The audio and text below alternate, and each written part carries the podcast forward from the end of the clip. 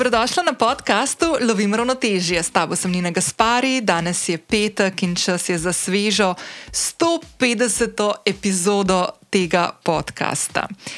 Zdaj, preden gremo v današnjo epizodo, ki bo malo posebna in prva takšna, odkar je podcast Lovim ravnotežje v etru, uh, je ene par stvari, ki bi jih rada povedala. Najprej da točno na današnji dan, če to epizodo poslušaš v realnem času, podcast Slovim Ravnotežje slavi tretjo obletnico.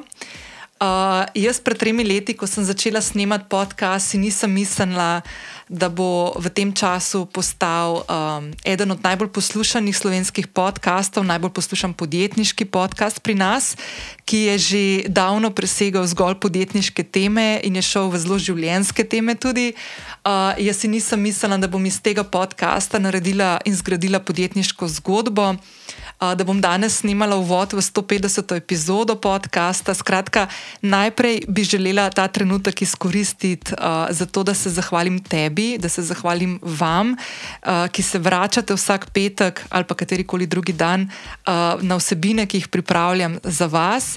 Uh, vsem tistim, ki se mi oglasite s poročili, s feedbacki, s komentarji, s predlogi, uh, vsi, ki ste se prijavili na podcast, uh, vsi, ki ste ga ocenili, oddali mnenje na podcast aplikacijah. Hvala, hvala, hvala vsem vam. Brez vas ne bi bilo tega podcasta. Potem bi se rada zahvalila tudi podjetjem, s katerimi sodelujem in zaradi katerih lahko ustvarjam ta podcast za vas. Uh, to so NLB skupina, uh, zavarovalnice Generali, Malinca, Porsche Group Card, Adidas in številni drugi. Tako da res hvala za zaupanje in podporo. Um, sem se pa odločila, da bom danes za to epizodo, ki je ena od zadnjih v letu 2022, naredila nekaj, kar sem si želela narediti že prej. In to je, da sem se odločila narediti en pregled leta 2022, en tak kolaž pogovorov iz epizod, ki so bile v tem letu objavljene, in to je prvi del venčka najljubših oziroma najbolj poslušanih epizod. Uh, največkrat deljenih epizod, pa vsebin, na katere se Eh, tudi jaz zelo velikrat spomnim, ko pripravljam nove uh, tematike, ko vabim nove goste in goste, in tudi ko se pogovarjam konkretno s kakšnimi gosti in se dosti krat navežem na kakšno od teh epizod, uh, ki so nekako tako odpirali polje mojih razmišljanj. Konec koncev tudi znanj, ki sem jih dobila skozi te klepete in me v bistvu spodbujali v eno od tistih uh, lastnosti, za katero doskrat omenim, da je ena od tistih ključnih, da jo imamo in jo razvijamo, in to je radovednost. Uh, bi pa še eno stvar omenila, preden uh, se podava v pregled enih takih mojih najljubših izsekov iz leta 2022. Naslednji teden uh, v 151. epizodi se bomo pogovarjali o postavljanju ciljev in načrtov za leto 2023, tako na zasebnem kot poslovnem področju. Uh, jaz tako epizodo naredim konec vsakega leta, to bo že tretja v vrsti. Um, in naslednji teden bo ena novost in sicer prvič bom dejansko delala tudi cilje in načrte za poslovno področje, se pravi za mojo podjetniško zgodbo, kar prej še nisem, zato ker enostavno tudi nisem znala. Bom pa v, tem, uh, v tej epizodi vključila neka znanja, do katerih sem prišla v zadnjem letu, ko sem se res zelo aktivno začela ukvarjati um, z odnosom do denarja, s tem, kako delam neko razmejitev med mojo podjetniško zgodbo in med mano, govorim na, tem, na področju financ in upravljanja financ in tako naprej. Uh, tako da naslednji teden uh, se bomo pogovarjali o tem, kako zaključimo leto, ki se izteka na način, da. Uh, nekako objamemo vsa spoznanja, vsa nova znanja, ki smo jih ujeli v tem letu, in na podlagi tega postavimo take dobre temelje za načrte in cilje za prihajajoče leto. Tako da to bomo delali naslednji teden. Če se želiš tudi ti konkretneje lotiti načrtovanja leta in postavljanja pravih ciljev za te, ki bo zate delovali. Potem te vabim, da še danes ujameš interaktivni vodič z vajami, istočnicami in predlogami postavljanja ciljev 2023, ki ga najdeš v moji spletni trgovini in ga dobiš po znižani ceni za samo 21,90 evrov. Ta vodič bo tudi osnova za naslednjo epizodo in ti bo prišel prav, ko boš poslušala vsebine, ki jih pripravljam za to epizodo. Zdaj se pa vrnimo v današnjo epizodo. V nadaljevanju, kot sem rekla, sledi prvi del venčka mojih najljubših epizod v letošnjem letu. Pred vsakim izsekom ti bom v stavku ali dveh predstavila gosta oziroma gostjo in ti zaupala, o čem teče beseda posamezne epizode. Če te bo kakšen pogovor še posebej pritegnil, ga lahko seveda ujameš na podkastu, na vseh podcast aplikacijah ali na moji spletni strani. Vedno se na koncu v URL zatipka uh, zaporedno številko epizode, ki jo bom tudi vsakič znova omenila. Bodo pa vse epizode polinkane na zapisu, ki sem ga pripravila za to epizodo. Tako da, preden skočiva v epizodo, te vabim, da če še nisi prijavljena na podcast Lovim Ravnotežje, to lahko storiš zdaj prek aplikacije, na kateri trenutno poslušaš to epizodo. Vedno sem vesela tudi ocen in mnen, ki mi jih pustiš na podcast aplikaciji ali pa se mi oglasiš v zasebno sporočilo na Instagramu, kjer se ti bom najhitreje javila nazaj. S prijavo dajo ocene in mnenja na aplikaciji, pri kateri poslušaš podcaste, pa pomagaš, da za ta podcast slišijo tudi te podobne ženske in moški. In v teh treh letih se vas je res ogromno zvrstilo, in bom izkoristila še zadnji trenutek, preden skočim v epizodo, da se ti še enkrat iskreno in iz srca zahvalim za tvoj čas, za tvojo pozornost, za vse povratne informacije, za to, da deliš ta podcast po svojih omrežjih naprej svojim prijateljem, prijateljicam, družin, družinskim članom in članicam. Tako da hvala, hvala še enkrat. In nič, gremo v 150. epizodo. V eni od prvih epizod leta 2022, točneje v 115. epizodi, sem gostila pisatelja, predavatelja, večkrat nagrajenega kreativnega direktorja, ki je skoraj 20 let pomembno oblikoval slovenski oglaševalski prostor in to je Aljoša Bagola. Aljoša je moj sošolec faksa. V nekem življenjskem obdobju sva se ujela in sočasno delala tudi v isti oglaševalski agenciji, tako da je tudi moj bivši sodelavec. V tej epizodi pa ti bo skozi svoje življenjske izkušnje, ki so ga vodile, kot pravi, sam v prepad, predstavil svoje iskanje poti v postavitev trajnostnega sistema, ki mu je omogočil oblikovanje nove karijere uspešnega slovenskega avtorja in predavatelja razvoj zdravega odnosa do sebe in širše, pot iz izgorelosti in uh, učenje načinov, kako vsakodnevno preverja svoje počutje. Ena od stvari, ki sem ti bila jaz blazno hvaležna kot bralka, je bila ta, da sem bila full vesela, da je to moški napisal. Mhm. Zato, ker se mi zdi, da ženske mogoče se te stvari znamo malo bolj pogovarjati uh, ali pa ja, biti uh, glasne o kakšnih takih težavah, ki jih imamo, moški pa manj. manj mm. In uh, zdaj, ko tebe poslušam, ki si govoril o svojem otroštvu, se je ene par stvari umenilo. Eno je bila pridnost, ne? eno je bil ta deloholizem, ki ga potem uh, okolje, v katerem smo oba mi dva malo tudi delala, ti v bistvu na dlje časa kot jaz, uh, nekako spodbuja. Da mi povej, kakšen imaš danes odnos do deloholizma, pa do pridnosti. Um, kot sem prej omenil, pravzaprav. Um, Sedaj ljudi, tudi če me prosijo za nasvet, predvsem poslušam, ker se mi zdi, da je to pravzaprav uh, pa ne vse, kar lahko damo, ampak je najbolj pomembno.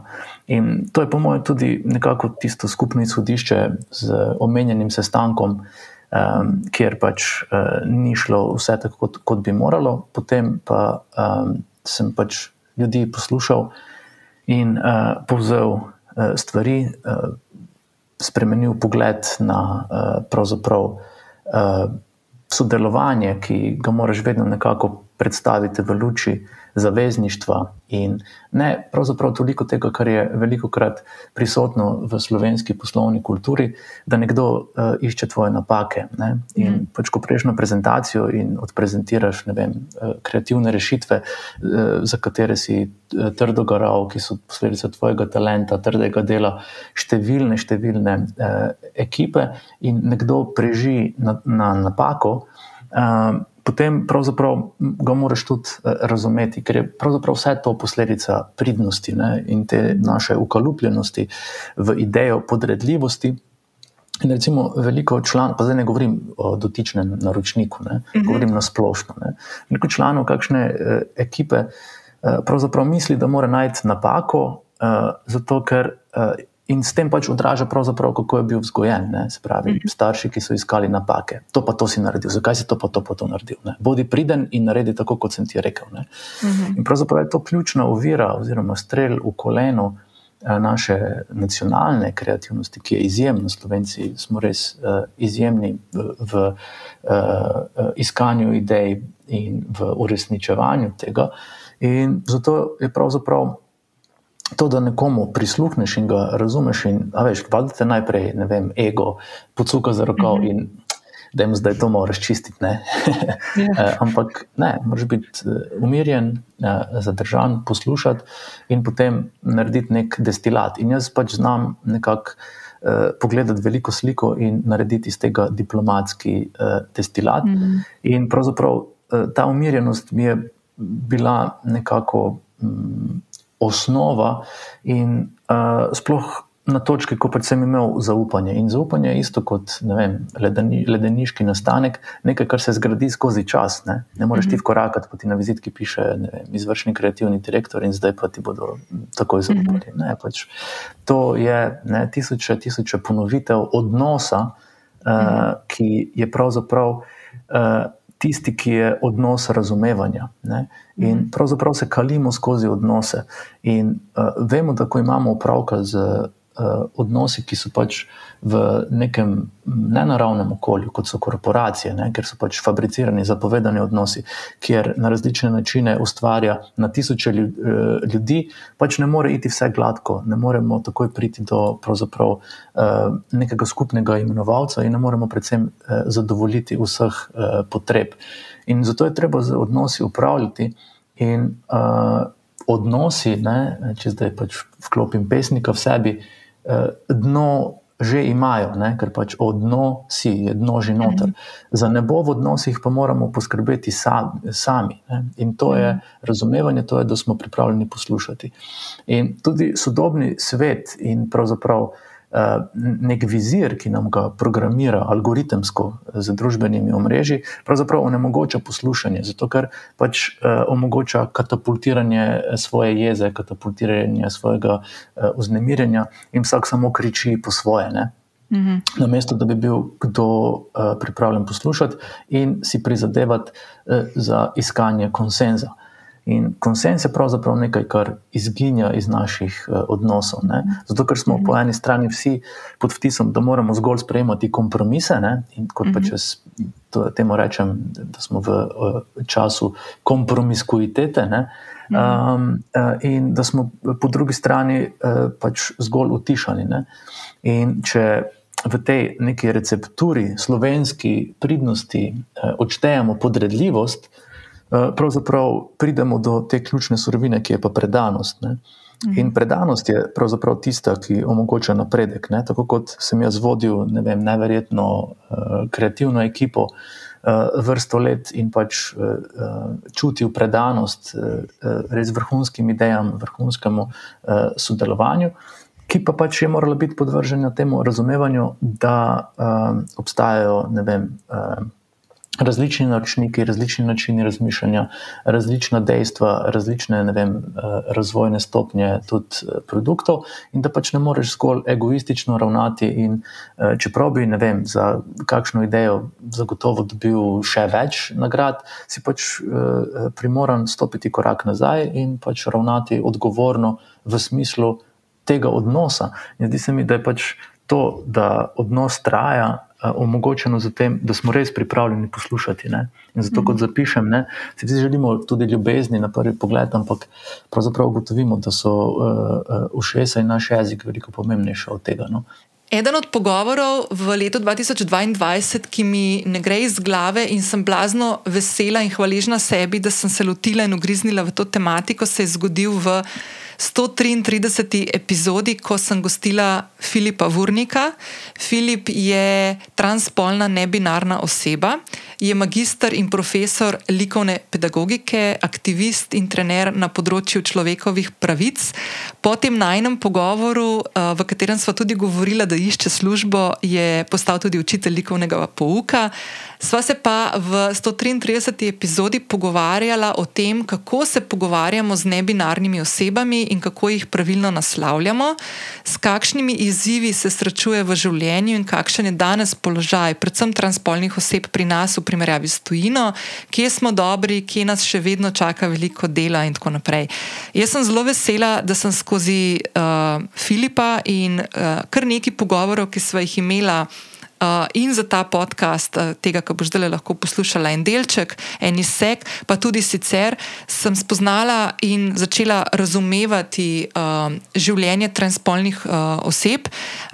Tudi kasneje v življenju sem potem spoznala še kar nekaj predstavnikov in predstavnic transpolnih oseb, ki živijo v naši družbi, in je to definitivno tema, ki jo bom odpirala tudi v prihodnem letu, ker se mi zdi blazno pomembno, da, se, da smo radovedni. Da se učimo uh, tudi uh, s tem, da poslušamo druge ljudi, ki živijo drugačna življenja kot mi, ki se soočajo uh, z različnimi in drugačnimi izzivi, kot se soočamo drugi. Uh, tako da sem neskončno hvaležna Filipu, da si vzel čas, uh, da je bil tako ranljiv. Da je predstavil svoje življenje uh, in svoje izzive, uh, ki smo jih ujeli v 133. epizodo. Dej za začetek bi te jaz vprašala, malo tako, da se uh, um, da se predstaviš s svojimi besedami. Kdo je Filip? Okay. Kaj si tam v življenju, kaj počneš? uh, ja, jaz sem Filip Urnik, star sem 28 let. Um, trenutno sem prostovoljce Evropske solidarnostne enote na društvu Parada Ponosa. Um, ukvarjam se tudi z glasbo, um, po poklicu sem magister, profesor likovne pedagogike. Filip, kako si se ti znašel? A, mislim, v, v Sparadu ponosa si prišel v stik zdaj zaradi tega projekta, ali že tako drugače, tudi si že z njimi v kontaktu dalj časa? Ja, jaz sem v bistvu. Um, mislim, da je to dolga zgodba. Ampak. Malo čas, drugače. Malo čas, ja. Ja. Um, ja, nekje leta 2015 sem se jaz razkril kot del LGBT skupnosti, najprej kot lezbika in zdaj bom razložil. Uh -huh. Uh, zmedo.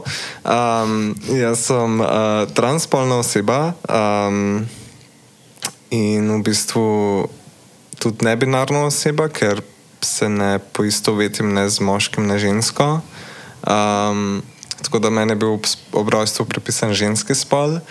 In sem v bistvu leta 2015 imel um, tako pot razkrivanja, um, ker sem.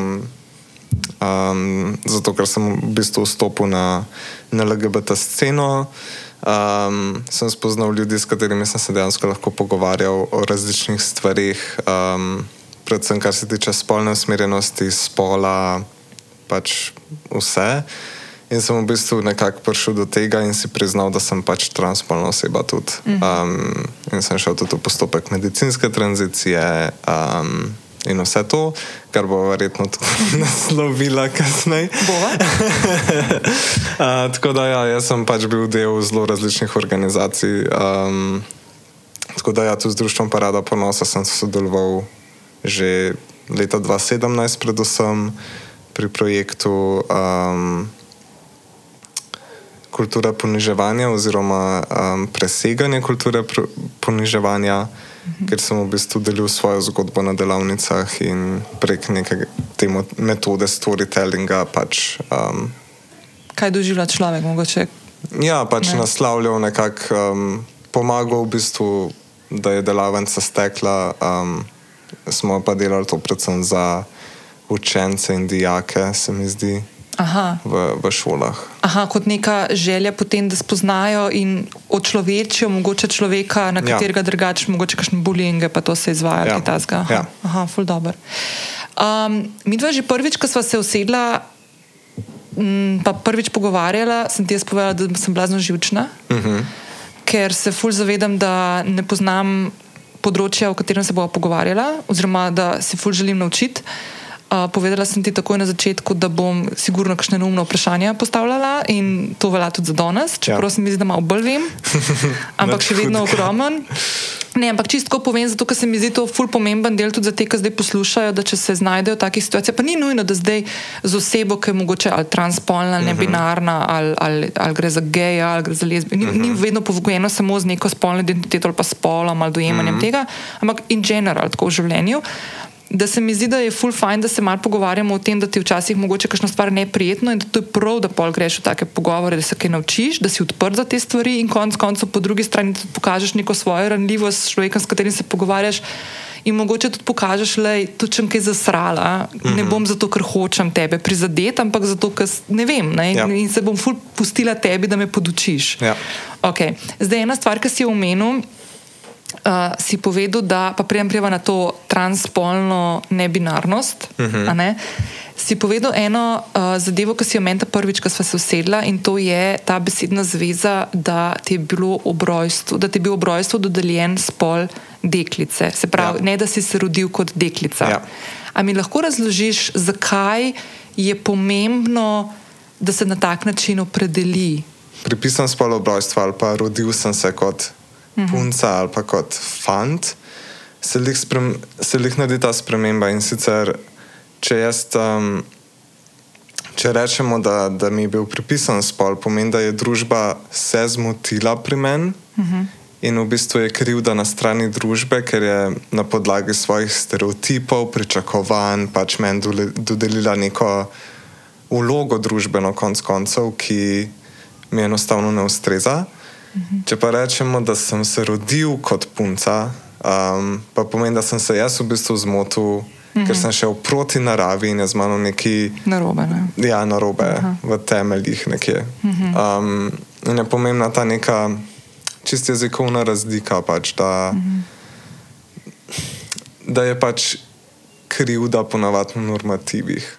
V 126. epizodi sem gostila Marina Medaka, lastnika optike Delaspina, podjetnika in aktivnega državljana, ki ga nikoli ni bilo strah izraziti svoje mnenje, se postaviti v bran ljudem, ki si tega ne upajo ali pa ne zmorejo. Uh, en delček njegovega razmišljanja lahko slišiš tudi v tem izseku iz najnega pogovora.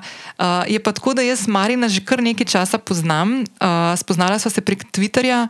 Eh, po mojem, že kakšne deset let nazaj, in je vedno, vedno bil uh, tak um, zagrizen v predstavljanju svojega razmišljanja, ki nikoli in nikdar ni teptalo uh, druge osebe, in se je vedno znal zelo glasno, če je bilo treba postaviti. Uh, v bran tistih šipkejših v naši družbi, uh, pa ne gre za ljudi, uh, ali pa za tiste dele družbe, ki jih pogosto um, mal na stranski tir postavimo. Tako da uživaj v tem kratkem izseku pogovora z Marinom. Še kakšna zadnja misel? Huh, um, kaj bi zadnja misel bila? Mm, da, mm, zelo pomembno je, da lahko rečemo, kar si mislimo, ne da smo žljivi, ampak pač da normalno, kulturno izrazimo svoje misli. Ne glede na to, kje. Uh, Pač, mislim, ne, ne, sveda v primernem prostoru, ampak da ne smemo se tega bati, uh, ne bi se smeli bati uh, tudi posledic, uh, ker najhujše je, ko se začneš uh, samo cenzurirati. Um, to je recimo očitek, ki ga doskrat uh, dobim, je, da preveč jasno izražam svoje politične misli, in to potem uh, negativno vpliva na moje podjetje. Ampak izražanje, svoboda izražanja misli je veliko pomembnejša od uh, denarja. Uh, tako da. Seveda, če ga imaš dovolj in nisi od tega življenjsko uh, odvisen. Ja. Zato je še toliko bolj pomembno, da tisti, ki si to lahko privoščimo, naredimo, ker nekdo, ki je za tekočim trakom oziroma na minimalcu, uh, nima ne časa, ne energije, uh, pa verjetno uh, je, pa ga je malo strah. Uh, tako da tisti, ki, imamo, um, ki smo preskrbljeni na ta način, res moramo uh, poskrbeti za tiste, ki se tega ne morejo privoščiti. Top. V 124. epizodo podcasta se je iz New Yorka javljala Nika Kovač, ustanoviteljica in direktorica inštituta 8. Marec, ki je letos, predvsem tudi po najnem pogovoru, ko smo ga posneli nekje marca meseca, izredno pomembno vplival uh, in imel izredno pomembno vlogo pri aktiviranju družbe, da smo se v večjem številu pojavili na voliščih in v tem super volilnem letu oddali svoje glasove. Tako na parlamentarnih volitvah, uh, to je tema, o kateri smo tudi govorili v tej epizodi, in tudi kasneje na predsedniških volitvah in predvsem na uh, referendumih. Z Niko smo v tej epizodi govorili o njenem življenju v New Yorku, o načrtih, pa o nespodobnih in žaljivih zanimivih komentarjih, ki jih Nika in njene sodelavke in sodelavci dobivajo prek družbenih omrežij in kako se to vplivajo na njo. Zdaj, en medklic, ne, to smo se z Niko pogovarjali, kakšne pol leta predtem. Uh, Uh, ko je bila potem na koncu tudi napadena sredi prestolnice. Um, tako da um, gre za pomembne stvari, o katerih se moramo pogovarjati, zato da uh, krepimo spodobnejšo komunikacijo v naši družbi. Uh, zdaj, ko smo se pogovarjali tam nekje marca leta 2022, me je predvsem zanimalo, uh, o čem se Nika.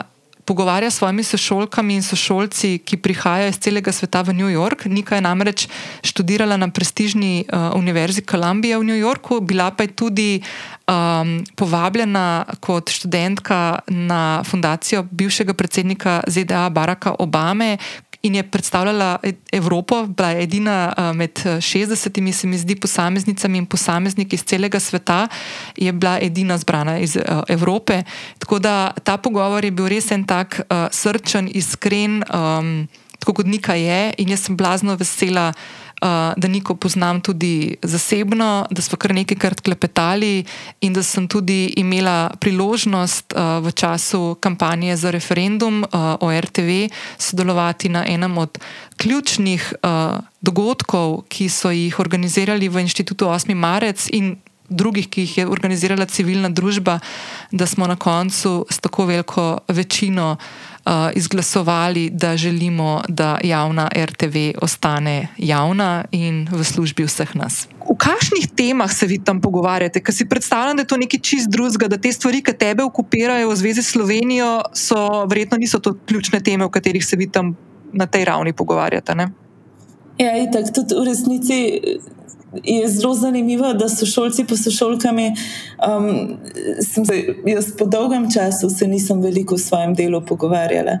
Um, imam enega sošolca, ki mi je pač res blizu in z njim uh, se pogovarjam tudi o tem, kaj delam v Sloveniji, ampak drugače je pač tako hecna situacija. Predstavljaj si en kup ljudi, ki so v svojih državah noro upeti v vsakodnevno dogajanje, ki cele dneve delajo in ki jih ti dobesedno fizično predstaviš za deset mesecev v eno skupno hišo oziroma kompleks um, in jim rečeš, znajte se, tukaj ste, um, vzpostavite si življenje. Tako da prvi naši meseci so se zelo vrteli okrog tega, kje si kupo posodo, uh, kako si kuhaš, um, znaš uporabljati metro. Pač moje sošolke iz Afrike, uh, iz Malavija, so imele ful problem, ker pač so rekli, da nikoli niso videli takšnih vlakov. Um, kako v bistvu um, preživeti dan v tem velikem mestu. Uh, zelo veliko smo se pogovarjali tudi o svojih občutkih, kako se počutimo, ko smo sem prišli, kaj se dogaja. Um, Pol pa počasi začneš tudi tipati, ne? kako razumemo družbo okoli nas, kako razumemo demokracijo, kako razumemo vlogo crkve, um, postavljati en kontekst. In jaz sem se takrat začela zavedati, da je v resnici prvič za res, za res, v kakšnem privilegiranem svetu mi živimo. Ker če meni je ena sošolka rekla, da nimajo okoljne pitne vode, druga je rekla, da aktiviste zapirajo. Um, tretji je rekel, da je bil tudi on že pretepen strani policije. Pač to so res čišči iz drugih globalnih konteksti. In razumevanje tega, pač te, tega nekega sistema je za me fulj pomembno. Um, je pa tako, kaj. Kaj se mi pogovarjamo v filmih, o knjigah, zelo veliko se hecamo, zadnje dni se tudi veliko smejimo tako imamo tudi nek ta črn humor, ki ga pol pridobiš, ki se norčuješ sami sebe v, tej, v, v neki tej situaciji. Ne? Drugače, širiš na samem programu, je pa v bistvu tako, da um, je fokus na um, tem, kako funkcionira Amerika. Um, en del programa je v bistvu pripravljen na način, da nam predavajo ljudje, ki so furali Obamovo administracijo, torej ljudje, ki so zares sprejemali odločitve, um, od bivšega poveljnika vojske. Vsak teden imam jaz seminar z um, bivšim. Um, Secretary of Chamber, to je tako kot finančni minister, torej človekom, ki je sprejemal odločitve o financah za cel svet. Um, uh, potem delamo z um, razno raznimi, z vodjo PR-ja od Obame, z um, njegovim strokovna, strokovnjakom za nacionalno varnost. In v bistvu je to en zelo zanimiv pogled, ker prvič jaz res razumem, kako svetovna politika deluje. Hkrati je pa tudi meni strašljivo, ker v bistvu se vidi, kako malo v Sloveniji mi lahko naredimo naredimo, koliko stvari so določene, kar nekje druge. Um, pa imam pa jaz še predmete na Kolumbiji. Um, moj najljubši predmet. Ta semester je predmet, ki ga vodi um, Steven Friedman, uh, bivši direktor MTV. -a. Jaz se hecam, da je to človek, ki je vse nas uh, vzgojil. Um, in me uči o tem, kako se delati kampanje um, in kako se skozi pop kulturo spremenjati družbo. V 125. epizodi sem gostila enega od mojih dobrih prijateljev, Miho Rekarja. Ki je bil že kar nekajkrat gost uh, na podkastu Lovim ravnotežje in veliko krat se pogovarjava z Miho o knjigah, o upravljanju razpoloženja in tako naprej. In tudi tokrat v tej epizodi sva govorila o uh, tehnikah, s katerimi upravljamo razpoloženja, o knjigah, kako pomembno je, da imamo rutine, tiste, ki nam služijo. Uh, tukaj je Miha, ful dobro izpostavil, ki, ki sem imela jaz težavo pomladi 2022, ko me je lovila tesnoba in zakaj se mi je to dogajalo. Mislim, da mi je zelo prav in smo te stvari pa začeli malo popravljati. Uh, govorila sva tudi o tem, uh, kako pomembno je, da pišemo dnevnik takrat predvsem takrat, ko se dobro počutimo, kar je ena od stvari in praks, ki sem jo jaz mogoče v zadnjem času malo pustila in mi je v bistvu full žal. In to, kar uh, Miha omeni tudi v tem izseku najnega pogovora iz 125. epizode, je dejansko zelo res in ima zelo, zelo prav. Miha, izvoli. Naslednjo temo, ki sem jo hodila že prej, ko smo se pogovarjali, zelo šla izvolitev v uh, sezonsko depresijo. Se to malo povezano? Vse je povezano, tako je isto. Ne, ampak ej, imaš ti kaj občutek tako zelo v zadnjih dneh ali pa tednih, da imaš tako mal uh, padec razpoloženja? Dejansko ne, ker je ful čuden. Um, wow. Okay. Nekako že, uh, mislim, da so o tej lučki tudi govorila v 60 epizodih. Pač ta, ta sad, uh, season, uh, karkoli, affective disorder, lučka, ki je, ja. uh, ki pač, ti svet uh, v glavo napolno, pač ne, ne tako. Ja, ne tako, kot jo pač, kažem. Ne, ne, ne, ta, ta, je, ta je lepa, una je pa. Učinkovita. Uh, ja, taka je taka ideja. okay. um, in vem, da sem jo takrat dejansko v full rabu.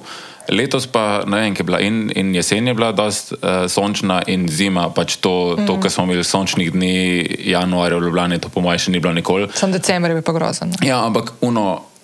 Ni bilo niti megle, bilo je samo sonce skozi in, in tega v Ljubljani res nismo navajeni. Mm. Um, in in pač, ja, hočeš, nočeš vreme zelo vpliva na razpoloženje. In se mi zdi, da zaradi tega nisem občutil to, kot recimo prejšnji let.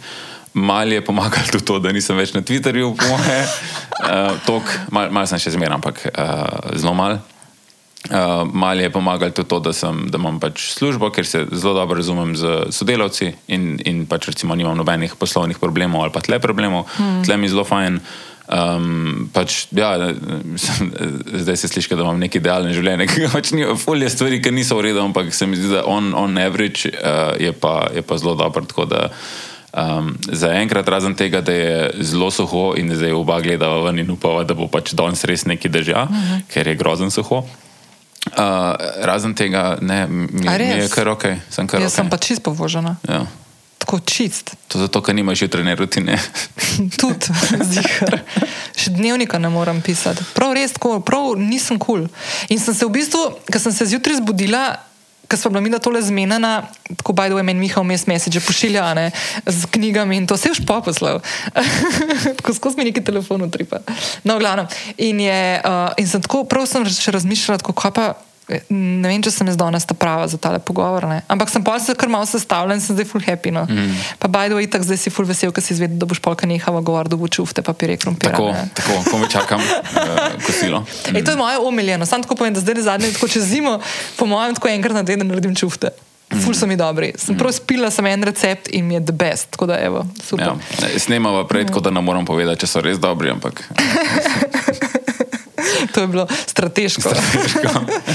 ne, da veš, kaj sem. Aha, veš, kaj sem ti pa hotla še tako mogoče. Okay, zanimivo se je pogovarjati, če nisi depresiven. Ja, ne, mislim, eh, lahko se vseeno. Ne. Uh, mislim, ne vem, vse, kot so že velikrat govorila, pač meni men dnevnik pomaga. In tudi še en blog post, ki sem ga napisal. Um, da zdaj že več kot tri leta vsak dan pišem dnevnik in, in koliko je to spremenilo mi, mi življenje na boljši in sigurno je vplivalo tudi na, na to. Ampak ti delaš to digitalno, pišeš ga noter telefon. Ja. Ker pa ja. se vsake toliko zgodi, da jaz dobim od tebe mesec, pa pišeš kot dve ja. leti nazaj ja. na sprehodu z Nino. To mi je, to se tudi tam umenil, meni je. Mi je del neke te jutranje rutine, da pogledam pač on this day, kaj je bilo na današnji ja. dan, en let nazaj, dve leti nazaj, tri leta nazaj. Um, in mi je zelo dobro gledati, kako se pač spremenjam in kako stvari, ki so bile recimo pomembne, ali pa stvari, na katerih sem delal, ali sem popravil, ali nisem popravil, ali delam iste napake, ali pa pač take stvari, ki so se zgodile, ne vem, ki so snemala podcast, ki so bila na sprehodu te stvari. In pa doskrat pač zato, ker mi je, ne vem. Ali je ta občutek nostalgije, ali nekaj, kar se spomniš, kar se drugače ne bi. Mm. Um, praktično, kadarkoli naredim screenshot, pa delim s človekom, ki je pač tam omenjen, uh, so 99,9 pozitivni responsi nazaj, ker, ker je res uno, o ja, pač sem že pozabil, da je to bilo, ali pa ja, takrat je bilo pa res ja. fajn, ali pa neki. In to skoraj sigurno vpliva, vem, če zjutraj pogledam to in da sem že avtomatsko pol, že zaradi tega malo boljše volje, ali pa že zaradi tega se spomnim, no, ja, to je bilo pa res fajn. Um, Skoraj sigurno vpliva na počutje in, in na dnevni, in pač na, na sezonski bazi. Okay.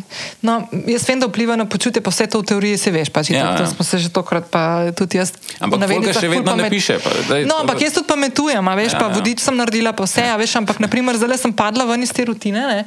Mal tudi zato, ker kaj se mi je tudi zgodilo, valjda. Da, Kar je tudi ena od teh točk, ki je pred dnevnikom ful pomembna, ne? konsistentnost. Mm. Tudi takrat, ko se imaš fajn, pa ko si srečen, pa ko si ful ja. zadovoljen, pa vse imaš razloge, da pišeš, ne ja. pišeš samo takrat, ko imaš težave. Ne. Ampak jaz sem glih v to luknjo padla, ne. ker sem imela občutek, da vse je kul cool, mm. in dejansko ni neke potrebe po tem. In, in glih zdaj sem imela ta teden, ponedeljek, dva, dva dni preden sem začela to snemati, sem prvič v roko vzela, pomislim, da začetku februarja dnevnik. In sem hotela nekaj napisati, in nisem mogla. Mm. Nisem mogla napisati, ker se mi je zdelo tako.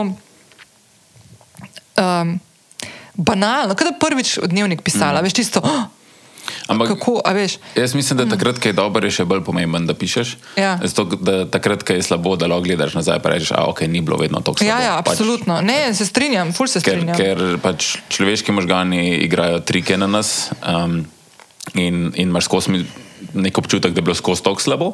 Um, in če le kaj vidiš nazaj, da si ti napisal nekaj, kako je bilo dobro, da si pač to, to ni nekdo drug napisal, to si ti napisal in takrat je bilo res dobro in se pač spomniš tega. In tako, no, ja, ok, res je bilo. Pač ni, ni to, da se zdaj nekaj igram sam s sabo, pa, pa pretvarjam, da ne se takrat včasih je bilo pa boljše ali pa ne vem kaj. Ampak da imaš neke te objektivne stvari, ki si jih sam napisal. V 123. epizodi sem gostila mojo prehransko svetovalko Mojco Sekulič in uh, v tej epizodi smo govorili o najpogostejših mitih o prehrani, ki ne držijo, o pomenu prehrane in njenem vplivu na imunski sistem, zdravje in vse splošno počutje, pa tudi o pomenu zdravega črevesja, prehranskih dodatkih, ki so še posebej v zadnjih letih tudi pri nas zelo popularni uh, izzivih, ki jih ima pri svojem delu, in seveda o tem, kaj danes pomeni hrana. Mojca je potem kasneje v letu 2022 gostovala še enkrat in sicer v 138. epizodi, ki bom polinkala v zapis te epizode, ki smo jo posvetili izredno pomembnemu sistemu v našem telesu in to je mikrobiom. Tako da uh, tudi o tem je tekla beseda, še prej pa 123. epizoda in kratek izsek. Ej, a veš, kaj mi je tako zdaj, ko se pogovarjava? Um, tako, ene par takih stvari, ki mi tako skočijo uh, ven. Ne? To si omenila to holistično, oziroma to neko celostno obravnavo vsakega človeka, ki pride k tebi. Ne? Se mi zdi, da to je naprimer, ena taka stvar. K, eh, imam jaz občutek, da mi tako malo ne poznamo, um, ko se srečujemo z nekimi uh, specialisti v klasični medicini. Ne? Pa ful mi je všeč to, da si tudi poudarila, kar tudi jaz nekako tako razmišljam. Jaz tudi imam visoko stopnjo zaupanja v stroko, v medicinsko stroko in tudi absolutno si ne predstavljam, naprimer, da bi ta del preskočila in šla mm -hmm. na kakšne druge stvari in mi je to ful všečno, da si povedala. Uh, da misliš, da tudi tako razmišljaš. Ampak ena stvar, ki je verjetno tudi razlog, zakaj sem jaz takrat k tebi prišla, ne, pa bo malo kasneje to se dotaknili tega, te, te, te debate in te teme, je v bistvu to, pomankanje nekih teh odgovorov, um, ko se pogovarjaš z specialisti, ki so strokovnjaki na nekih svojih področjih in zelo težko. Včasih imam jaz, ko sem imel občutek, veš, tako, da sem kaj na ping-pong žogca, ki gremo mes, pa v bistvu pol prenašam neke informacije, oziroma v bistvu pol informacije, ki jih niti, niti dobro ne razumem sama, od enega do drugega in se vmes kakšna stvar tudi lahko zgubine. In je tako, da oskrat imaš občutek, da nimaš na drugi strani sogovornika. Ne? Pri hrani se mi pa zdi, da je to neka taka stvar, ki ga ni človeka, ki tole zelo posluša, ki ne bi bil s tem povezan. Ja, pač prehrana je v. Vsi imamo nek odnos s hrano, ne, in zelo veliko enih konotacij v povezavi s prehrano. Ne. Naš mm -hmm. odnos do prehrane je lahko zelo različen. Tako da um, se veš, vsi pač podarjajo zdrav življenjski slog, prehrana. Ne, ampak tukaj je v bistvu ravno to, da je v bistvu ta individualen pristop. Ne, um, da pač ja, vsak človek ima neke svoje. Um, predispozicije, neke svoje okoliščine, neke dejavnike, ki vplivajo na angane. Tako da jaz tudi, ko se pač človekom prvič pogovarjam, naredim eno tako celostno sliko, uh, poskušam dobiti eno celostno sliko v njema. Ne? In to je ta. Um, mogoče to holističen uh mhm. -huh. pristop, tako da, da gledamo človeka kot celoto. Uh mhm. -huh. Kako to zgleda? Mislim, sej, bom, jaz na koncu te epizode bom povedala tudi, kako sem jaz doživljala to pot s teboj. Tako da bom povedala svoje iz prve roke, iz prve vrste. Ampak kako zgleda, naprimer, nekdo, ko pride k tebi na svetovanje, na terapijo? Kaj je tista stvar, ki, naredi, ki mora narediti vsak posameznik, preden pride k tebi, in potem kako greš potem naprej? Uh, ja, se pravi, um, ko me nekdo pokliče, že mogoče tudi po um, telefonu ali pa po mailu, pač pride z neko težavo, ampak ne glede na to, kakšna težava je, uh, vedno mora rešiti najprej en vprašalnik, ki je dost kompleksen, um, v bistvu iz katerega vidim različne um, dejavnike, ki vplivajo na tega človeka iz okolja, kakšni so recimo različni simptomi. Veš, eni ljudje sploh um, sem neke stvari. Že tako um, del njihovega življenja ali pa del njihovih samih sebe, da niti ne razmišljajo, da je mogoče to s tem karkoli narobe. Uh -huh, uh -huh. um, sploh mogoče, kar se prebave tiče, se je logično, da se, se ne more vsak skozi sam sabo ukvarjati, da ne pa razmišljati. Pač, um, jaz sem na to bolj pozorna in zato pa tudi ljudi na to opozarjam, ampak. Um, Mogoče ljudje niti tega ne jemljajo za nek simptom, ne? ampak da nekdo recimo, je zaprt, pa hodi na blato, ne vem, um, samo dvakrat, trikrat na teden, mm -hmm. to v bistvu je pač neko neravnovesje je, ne? nekaj ni ok. Ampak če se to nekomu dogaja že pač celo življenje, tako rečem, ali pa vrsto let, ne pa mogoče na to niti ni pozoren. Tako da v bistvu v tem vprašalniku marsikdo mi pa reče. Da, ko je šel res čez ta vprašalnik, da je začel bolj razmišljati o sebi, da je prav veliko enih stvari videl. Upala je, ja. Ful se spremljaš, ne. Ful, ja, opaziš stvari, ki mogoče, ful ti da zamisliti. Opaziš ja. stvari, ki jih mogoče drugače sploh Ja, tako kot si rekla. Niti, pa, pa niti ni nujno, da so tako velike stvari, naprimer, da imaš ti mhm. tako zaprtje. So, so lahko tudi kakšne malce manjše stvari. Ja, ja, veš, ja. Res gre za tak življenjski stil, ne? tudi konc koncev vključeno. Tar, ja. tako je. Ja. In potem, v bistvu, jaz, ki delam to nek tak miselni vzorc, um, pa lahko tudi vidim, že tudi iz teh simptomov jih nekako. Um, povezujem s tem, kaj bi bilo, ne vem, ali pomankanje nekih mikrohranil, viš, ko se povezuje z določenimi simptomi, ali neka funkcionalna težava v prebavi, v presnovi, v povezavi s črvesjem. Mislim pač s prebavnim traktom, mi tega ne moramo. Ne? Tudi mhm. nekdo, ki nima nekih zdaj izraženih težav, uh, je lahko, so težave v bistvu, da izhajajo tudi iz črvesja. Pač črvesje ima zdaj, mhm. tudi veš, da vedno bolj prihaja. Do izra, mislim, da se vedno več o tem govori, kako je pomembno zaradi imunskega sistema in, in tako naprej. Um, tako da, no, ampak v tem vprašalniku mora pa oseba tudi um, voditi svoj prehranski dnevnik. To pomeni, da v bistvu tri dni m, si zapisuje, kaj je, pa koliko pije. Um, in iz tega jaz dobim tudi že kar eno tako dost. Um, Mislim, približno, ampak že kar neko verodostojno sliko, kako nekdo je, ne? ker ljudje res dejansko zelo, zelo različno jedo. Um, tako da potem, ko imam pač ta vprašalnik in vse to, se pravi, delam ta miselni vzorci, naredim, uh, še vedno, če gre pač za kakršno koli bolezen, mi tudi ljudje pošljajo pač svoje zvide, zato da jaz že vem v bistvu, uh, zakaj gre. Jaz moram vse o tem nekaj si potem prebrati, vedeti, ne, in potem pa v bistvu um, raziskujem tudi, ne, kako bi bilo lahko v bistvu sama prehranjenost, presnova, kako je lahko povezana z določenimi težavami, ne, kje so pomankanja, kje so tiste šibke točke. Um, šele potem v bistvu se um, s klientom ali pa s klientko se dobim. In Tam je potem še pogovor, tako da v bistvu te konzultacije so dosti dolge, tako da prva je tam uro pa pol, pol naslednje recimo so krajše, ampak um, pol recimo naredimo tudi uh, tako imenovan neko časovnico, um, se pravi, kako je v bistvu oseba, to se tudi doskrat lahko pol vidi, ne, tekom življenja, kakšne je imela težave in pol velikrat ena težava vodi v drugo, ne, in šele ko si ti to v bistvu schematično prikažeš, ne na papirju, ko to gledaš, pol vidiš, mogoče, kako so stvari uh, lahko uh, povezane. a ne. Kaj je drugače, če gledaš, ko samostojno niti ne moreš videti. Ja, ja, ja. Aha. V 130. epizodi sem gostila specialno pedagoginjo, podjetnico, vplivnico in mamico dvema mladima nadobudnežema Barbi Završnik. To je bil tudi pogovor, ki je bil posnet uh, v video obliki. Uh, posneli smo ga namreč na izletu na Bled. In je prva podcast epizoda, ki jo lahko tudi vidiš. Povezavo bom dala kar v zapis te epizode, tako da lahko skočiš tja.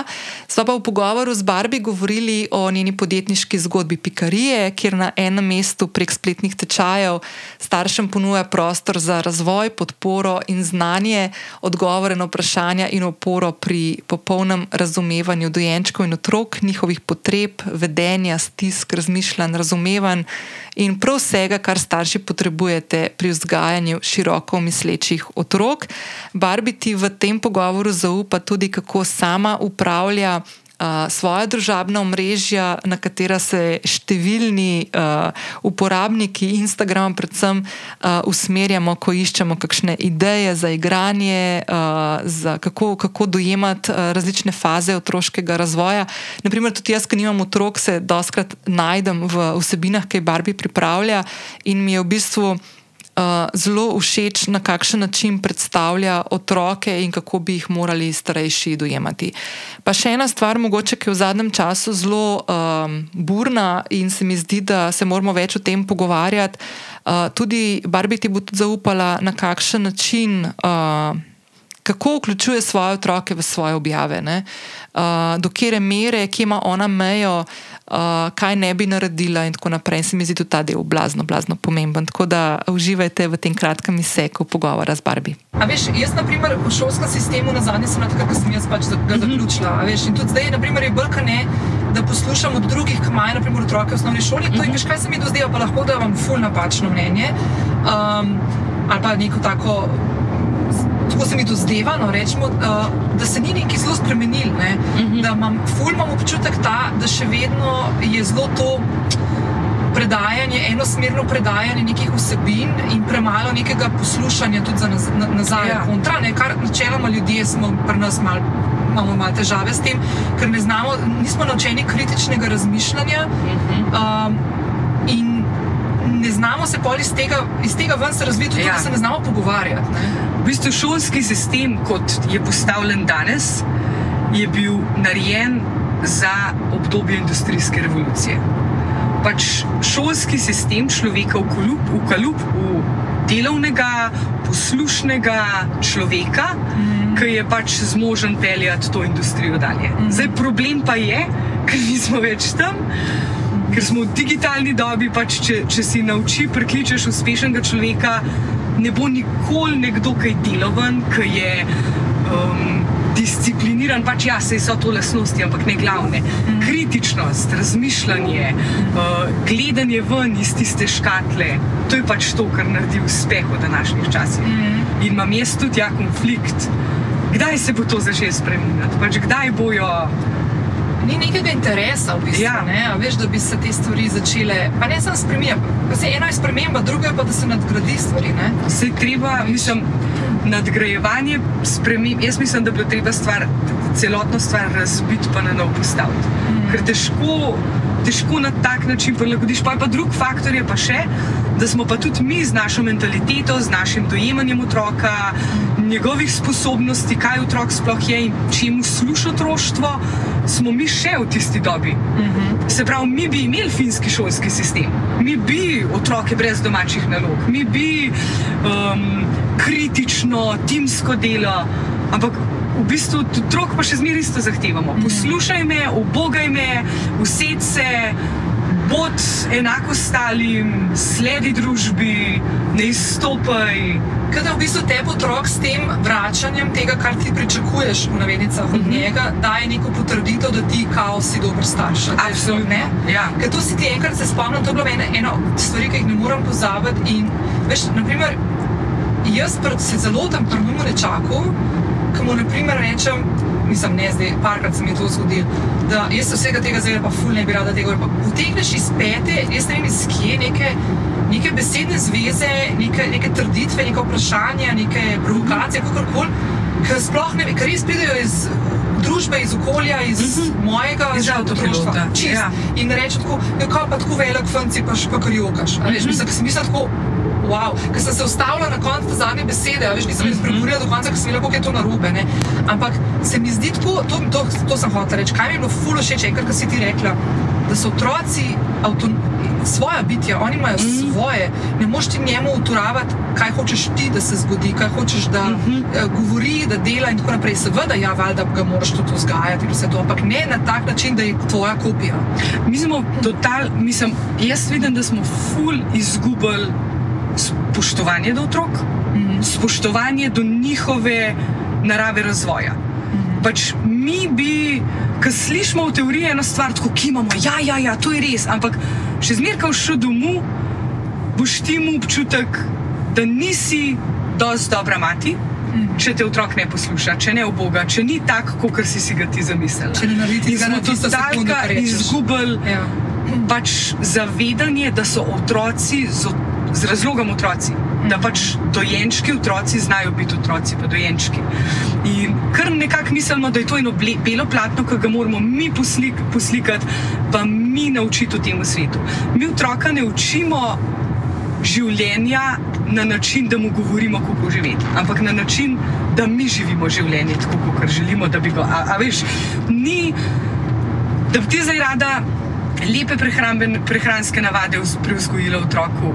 Ti lahko osem strategij izbereš, kako boš naštimal gum krožnik, da ga pojedu, kaj mu boš rekel, kakšna bo rutina hranjenja, kje zelenjave boš izbral, ko jih boš naseckal. Če ti ne boš znal sedeti pri mizi, biti imeti ti odnosa do hrane, um, ti spoštovati hrano, če ne boš pač ti tisto, kar hočeš, da tvoj otrok je, nima absolutno nobenega ja. smisla.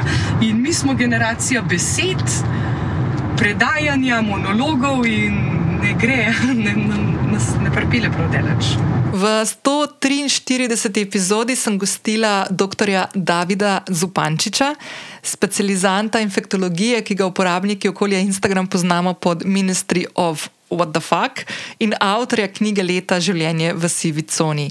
V tej epizodi sva se z Davidom pogovarjala o igranju vlog, o delu v Ljubljanskem kliničnem centru, o dežurstvih, o lovljenju ravnotežja med delom in družinskim življenjem, pa upravljanju razpoloženja in številnih drugih življenjskih izzivih, ki so nam vsem skupni. Uh, to epizodo sva sicer posnela, preden je uh, izšla Davidova knjiga Življenje v sivi coni, kasneje sva se potem tudi dejansko videla prvič v živo, ko je imel predstavitev knjige in jaz sem blazno hvaležna, tako kot sem Davidu. Uh, poslala čestitko, ko je njegova knjiga dobila uh, nagrado Knjiga leta. Sem mu povedala, da sem blazno vesela, da je David tudi eden od tistih ljudi, uh, ki aktivno spodbuja vse nas, da več beremo, da s svojimi nakupi podpiramo slovenske uh, pisatelje in pisateljice, in kako pomembno se mi zdi to, da vsak od njih naredi tudi en tak, uh, da, da doda tak pomemben mozaik tudi k temu, da uh, vsi skupaj dobimo nova znanja, da razvijamo uh, širokost svojih misli in srca, in da smo čim bolj radovedni. Ej, uh, Prej, ki si omenil, uh, pa si tako kar mal si tako uh, uh, hotel en disclaimer narediti, prej to, da imaš vem, mirno dežurstvo. Ja, ja. Ampak tako, jaz, na primer, imam ful vedno tako presep opazim, ker pride nedelja, naprimer, da si vzamem soboto res tako naprej, pa prije pa nedelja in me začne že tako malo črvičati, da bi pa mogoče bilo fajn, da že kakšno stvar prepravim za čez teden, pa una. Veš, ko, uh -huh. ko, se mi zdi, da imamo tako kar malo priuzgojeno to, da ne smemo biti nikoli na mer, pa da moš biti skozi uh -huh. neko to slabo vest, da nekaj ne delaš. Ne? Ja. No, in čeprav ful delam na tem, pa se že leta ukvarjam s tem, da balans pa tako ne.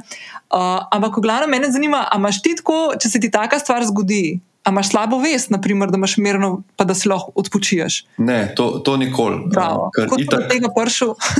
le, nikoli, ker sem zdaj bil dežuren že vem, v teh štirih letih, po mojem, okoli, mislim, da okoli 40 na leto jih je, no? se pravi 3-4 na mesec, 50 na leto. In vidiš, da se ti to vse balansira. Če imaš tri huda zapored, boš imel kakšnega lahkega, če imaš dva lahka, bo prišel hud. In enostavno vidiš, da um, konec koncev ne gre za to, kot si rekla, ne, da si doma, pa si frej, pa nič ne delaš. To tudi meni kdaj prime slava vest. Ampak Moja funkcija takrat je, da sem v službi in da sem tam, če je karkoli nujnega in da to naredim. Ne. In tudi, če imam mirno, da mi recimo telefon ne zvoni, jaz vem, da delam to, kar je nekako moja zadolžitev in moje poslanstvo. Če bi bilo recimo prepovedano, da bi jaz imel 12 ur na službo, pa bi hodil na nek zapuščen kot klinike spat, veš, zato ker pač bi to kršil. To bi bilo drugo. Ne. Jaz sem prej, ker sem rekel, da skoraj malo slabo veste, oziroma ne rad to povem, je v bistvu bolj zato, ker je nekako odnos do naše službe in do javnega zdravstva tak, da se kakšen poslušalec lahko obesi na to. Mhm. No, vidiš, da je zdravnike toliko so plačani, pa spijo v službi na ta način. Ne? Pa vem, da imaš ti krasne poslušalce. Ne bo tega napisal. Ampak, ja. Ja, in, ampak ja, veš, tako, jaz zdaj rečem, vem, sem imel mirno dežurstvo in sem spal. In pa si kdo misli, da jaz ne morem do svojega zdravnika že dva meseca. A ja. te pa tam spijo v službi, pa se pritožujejo na ta način. Um, ker moraš vedeti, da, da pač ni realno, da bi ti delal 28 ur v kosu vsak teden, ne? mm. en dan. To pač ni normalno. In, in samo ta lažja dežurstva ti nekako dopustijo to, da lahko na ta način delamo. Um, glede te slabe vesti je pa to lahko velik problem, kot si rekla, kako, ne? kako se spustiti. Um, in meni se zdi, da to, to mi je. Nekako bilo super v mojem pogovoru s profesorjem Škodlarjem. Sem imel tudi en podcast objavljen, ko je on rekel: Sem ga vprašal, krivda, ne, kaj, kaj zdaj s to krivdo. Jaz pač vam ful, pridem domov, pa bi šel spat, ampak žena ni spala. In jaz ne morem zaspati, če ne pustim najprej njej, recimo, da gre. In on je rekel, da si mora človek dati neko ontološko odvezo. Se pravi, neko odvezo, ki ti je ta svet ne more dati. Konkretno v mojem primeru, vedno so še bolni ljudje na urgenci, vedno je nekdo neprespan, nekdo je bolan, nekdo me rabi. Jaz bi lahko bil v službi še dva dni v kosu, lahko bi bil s hčerko, vedno več. In enako pri tebi, ti bi lahko končala še en projekt, lahko bi odprla še en projekt, lahko bi dvakrat na teden objavila podcast. Ne? Ampak ta svet mi ne more ustaviti do toka pacijentov in si moraš sam reči, jaz ta trenutek si dajem popolno odvezo, ker čutim, nekak, ne, da, da to potrebujem. In jaz si to zdaj kar fizično rečem, kdaj. Ko se uležem, pa začnem razmišljati, kaj bi vse počel, si rečem tako na glas, kdaj ali pa pač v glavi, dajem si odvezo in si pač nekako rečem. Ne vem, te besede so mi tako močne, da me kar bolj malo pomirino. Ker mm. uh, si nekako sam sebi priznaš, jaz sem naredil, kar sem lahko, in ta trenutek potrebujem ta odklop in ta počitek, da bom sploh lahko še delal. Zadnji sek v tem prvem kolažu najljubših delčkov leta 2022 na podkastu Lovim ravnotežje se dotika področja, na katerem sem sama v tem letu, ki se izteka, v letu 2022, verjetno naredila daleč največ. To je bil tudi eden od mojih ključnih ciljev, uh, ki sem si jih postavila lani decembra, uh, da se malo bolj podučim. Um, na področju upravljanja financ, da začnem spreminjati svoj ne zelo zdrav odnos do denarja. O tem sem veliko govorila v 134. epizodi, bom tudi polinkala v zapis te epizode. Um, in da se naučim postavljati mejo med uh, poslovnimi in osebnimi financami. Ko sem posnela to 134. epizodo podcasta, uh, ko sem govorila o svojem odnosu, nezdravem odnosu do denarja, kako sem prvič zamenjala banko v življenju in kaj se je vse zgodilo s tem, ko sem se odločila za ta korak, uh, se mi je v Instagram zasebno sporočilo javila Kaja Šolinc, gostja v 139. epizodi, boš, katerega izsek boš zdaj slišala čez nekaj sekund. Kaja je strokovnjakinja za upravljanje osebnih financ in zadnjih nekaj mesecev uh, me vodi in uči, kako bolje upravljati moje osebne in poslovne finance kako spremljam slabe in zakorenjene vzorce in predvsem spremenjam odnos do denarja. In kaj je že več kot desetletje delala kot revizorka v eni od večjih svetovnih revizorskih podjetij, ki se ukvarjajo s spremljanjem in vrednotenjem podjetij, se je pa v zadnjem času, tam nekje od septembra letošnjega leta, uh, konkretno začela ukvarjati s tem, da vse nas uči boljšega upravljanja osebnih financ. Uh, svoje svetovanje ima skozi delavnice, uh, lahko jo tudi najameš za osebno svetovanje, to, kar jaz z njo njo počnem zadnje mesece in moram reči, da mi je. Če rečem, da mi je spremenila življenje, je mogoče niti ni um, pretiravanje. Jaz dejansko letošnje leto zaključujem bistveno bolj um, v povezanosti s tem, kdo sem, um, tudi na področju denarja in, in, in svoje podjetniške poti. Um, ful sem bolj umirjena, ful se lahko bolj fokusiram in osredotočam na stvari, ki jih želim početi v življenju, in imam tega nenehnega občutka, da, da ne zaslužim dovolj ali pa da mi odteka denar v neke smeri, ki niti ne vem kam. Ful imam občutek, da jaz danes vodim. Denar in ne denar mene, uh, brez da bi konkretno preveč se ukvarjala s tem in da bi bila konstantno uh, zakopana v neke Excel tabelece, ki mi jih je Kaja, mimo grede, ful veliko pripravila in jih zelo vestno in pridno tudi uporabljam. Tako da uh, zdaj leti v nekaj naslednjih minutah predstavljam Kajo, oziroma se bo ona predstavila, uh, potem se pa še slišiva v kratkem zaključku te epizode. Psihologija denarja, to je pa potem ena malce bolj uh, kompleksna stvar. In uh, tako si to rekla za tisoč evrov. Um, to se mi zdi zelo pomembno, da se zavedamo, da ljudje lahko imajo veliko denarja, pa se ne počutijo dobro ali pa varno s tem denarjem, drugi pa lahko imajo manj. To, kol, koliko denarja imamo na bančnem računu ali pa nekje investiranega, um, v resnici nima veze s tem, kako se mi počutimo in to je vse psihologija denarja. In tukaj pri psihologiji denarja um, bi rada še omenila to, da pri osebnih financah je 20% znanja in 80% obnašanja. Tako da v bistvu mislim, da to vse pove. Um, Kako je v bistvu pomembno, da mi vemo, ka, kako se obnašati, uh, da spremljamo svoje obnašanje mm in da ga poskušamo racionalizirati, ker vse, kar delamo, je pač zelo emocionalno. Mm -hmm. In bistvu, nezavedno, velikrat tudi ne. In velikrat nezavedno, v bistvu toliko velik znanja pa ne potrebujemo. Če, mm -hmm neke, ko vemo neke osnove, smo že na veliko boljši poti uh mhm. -huh. kot pa ljudje, ki pač ne vejo osnov, ampak potem je pa predvsem pomembno, da smo zavestni uh, pri svojem obnašanju. Lej, to, kar si ti zdaj povedala, se meni zdi tako ful. Tako, um... Pa ne glede na to, da sem že zakorakala v to in da zdaj preseb vidim tudi to razliko in v tem um, samo upravljanju, kako vidim, da, da mi več ostane, kot bi mi sicer, ker mi je čist bizarno, z enakimi prilivi. Uh, Um, ena druga stvar, ki mi je tukaj ful pomembna in še zdaj, ko te poslušam, se mi zdi, da mi pade še en delček kamna ali pa skale z ramen, je to, da prvič, um, da je to normalno, drugič, da uh, ta občutek, da moraš celo znanje tega planeta zvedeti, zato da boš neki los spremenil, neki malga, je v bistvu res bulšit. In tle čist, čist pre, to mi je ful dobro, ta 20%, 80% pa obnašanje, to mi je ful in dejansko drži, to je spresep tudi vidim. Jaz sem še eno drugo stvar povedala. Jaz sem zdaj na začetku povedala, da sem zadnje par let živela v tem. V tej mantri, ne, da mora denar odliv, more, moraš zapraviti, zato da narediš prostor, da pride nov. Pa se to deloma tudi drži, je res pa prav, zato da kao imaš občutek, da nisi pod stresom, čeprav zdaj, ko pogledam nazaj, v bistvu sem bila pod stresom. Uh, Um, pa to, uh, itak ne vem, kam grem, itak nam nikoli v penziji, itak je vse tako, zakaj pol dajala neki na stran. Veš, ta, ta scena. Ne? Pa dobiš pa itak sporočilo, do katerega še prideva. Uh, uh, predčasno upokojevanje in ne vem, kakšne scene. Ampak to še priva do tega. Ampak eno drugo stvar sem hotela reči. Ne?